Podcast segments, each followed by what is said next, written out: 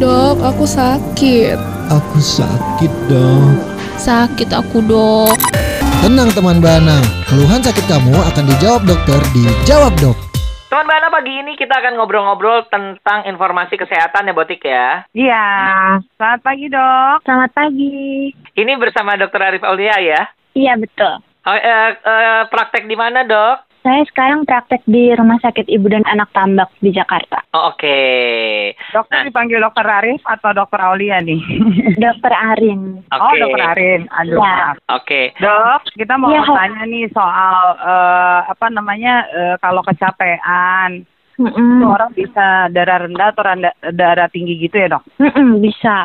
Memang kalau misalnya em, ada kita kita ada riwayat hipotensi atau hipertensi itu dua-duanya bisa gejalanya sama-sama lemas, mual, muntah, eh, pusing. Jadi sebenarnya gejalanya mirip-mirip nih. Iya. Nah, iya. Jadi yang eh, kalau misalnya normalnya itu kan tekanan darah kita itu 90 per 60 merkuri sampai 120 per 80. Iya. Nah, kalau misalnya hipertensi itu lebih dari 120 per 80, kalau hipotensi 90 per 60.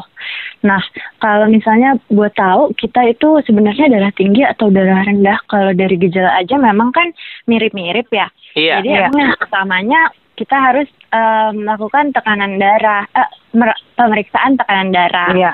Iya.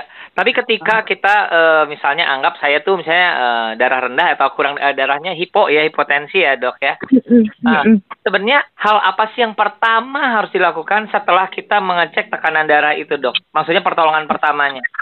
Kalau misalnya kita hipotensi, misalnya eh, darahnya 90 per, per 50 gitu ya. Iya. Nah, kita eh, banyak penyebab dari hipotensi ini. Kalau misalnya di anak muda itu seringnya karena kekurangan cairan, bisa karena Hmm. diare atau muntah-muntah atau kita kurang minum aja bisa hipotensi. Oke. Atau olahraga berlebihan juga bisa hipotensi. Nah, Hipotensi. jadi Ha-ha, jadi tergantung dari em, masalah utamanya itu. Kalau misalnya memang kekurangan cairan, berarti yang harus kita lakuin adalah istirahat dulu, tenangin pikiran, minum yang banyak. Nah, kalau misalnya udah minum yang banyak, eh, ternyata masih ngerasa lemas, boleh minum lagi atau segera ke rumah sakit terdekat. Oke. Nah, juga itu kalau misalnya anak muda kebanyakan karena kekurangan cairan memang hipotensi atau bisa juga sih sebenarnya karena ada masalah dengan jantung atau masalah dengan syaraf atau juga bisa karena kekurangan hormon atau kekurangan darah. Itu tapi kita harus cek lebih lanjut untuk em, Iya. untuk eh, didiagnosis lebih lanjut. Nah, kalau di orang dewasa itu seringnya kita tekanan darah eh, rendah ya? itu karena Eh, tekanan darah rendah bisa, tapi memang paling sering tekanan darah tinggi. Mm-mm. Nah, kalau tekanan darah rendah itu biasanya karena perubahan posisi yang tiba-tiba, misalnya Hmm. dari tiduran, tiba-tiba kita berdiri atau langsung duduk. Nah, nanti eh, perdarahan di otak kita itu nggak nggak lancar, jadinya kita jadi pusing, kelingan, Oh. suka mual gitu. Oke. Iya, kalau misalnya untuk orang tua itu dengan em, darah rendah yang disebabkan oleh posisi, caranya adalah jangan eh, terlalu cepat untuk berpindah posisi dan juga eh, karena memang aliran darahnya itu kurang ke daerah tubuh kita bagian atas, kita tidur tiduran aja, terus kakinya itu diletakkan posisinya di atas jantung, jadi Oh. nanti darahnya turun ke jantung dan bisa dipompa lagi ke bagian Oh. kita yang atas. Oke. Iya, iya. Pertolongan pertamanya itu ya dok ya. Iya, Itu pada darah rendah ya dok? Iya.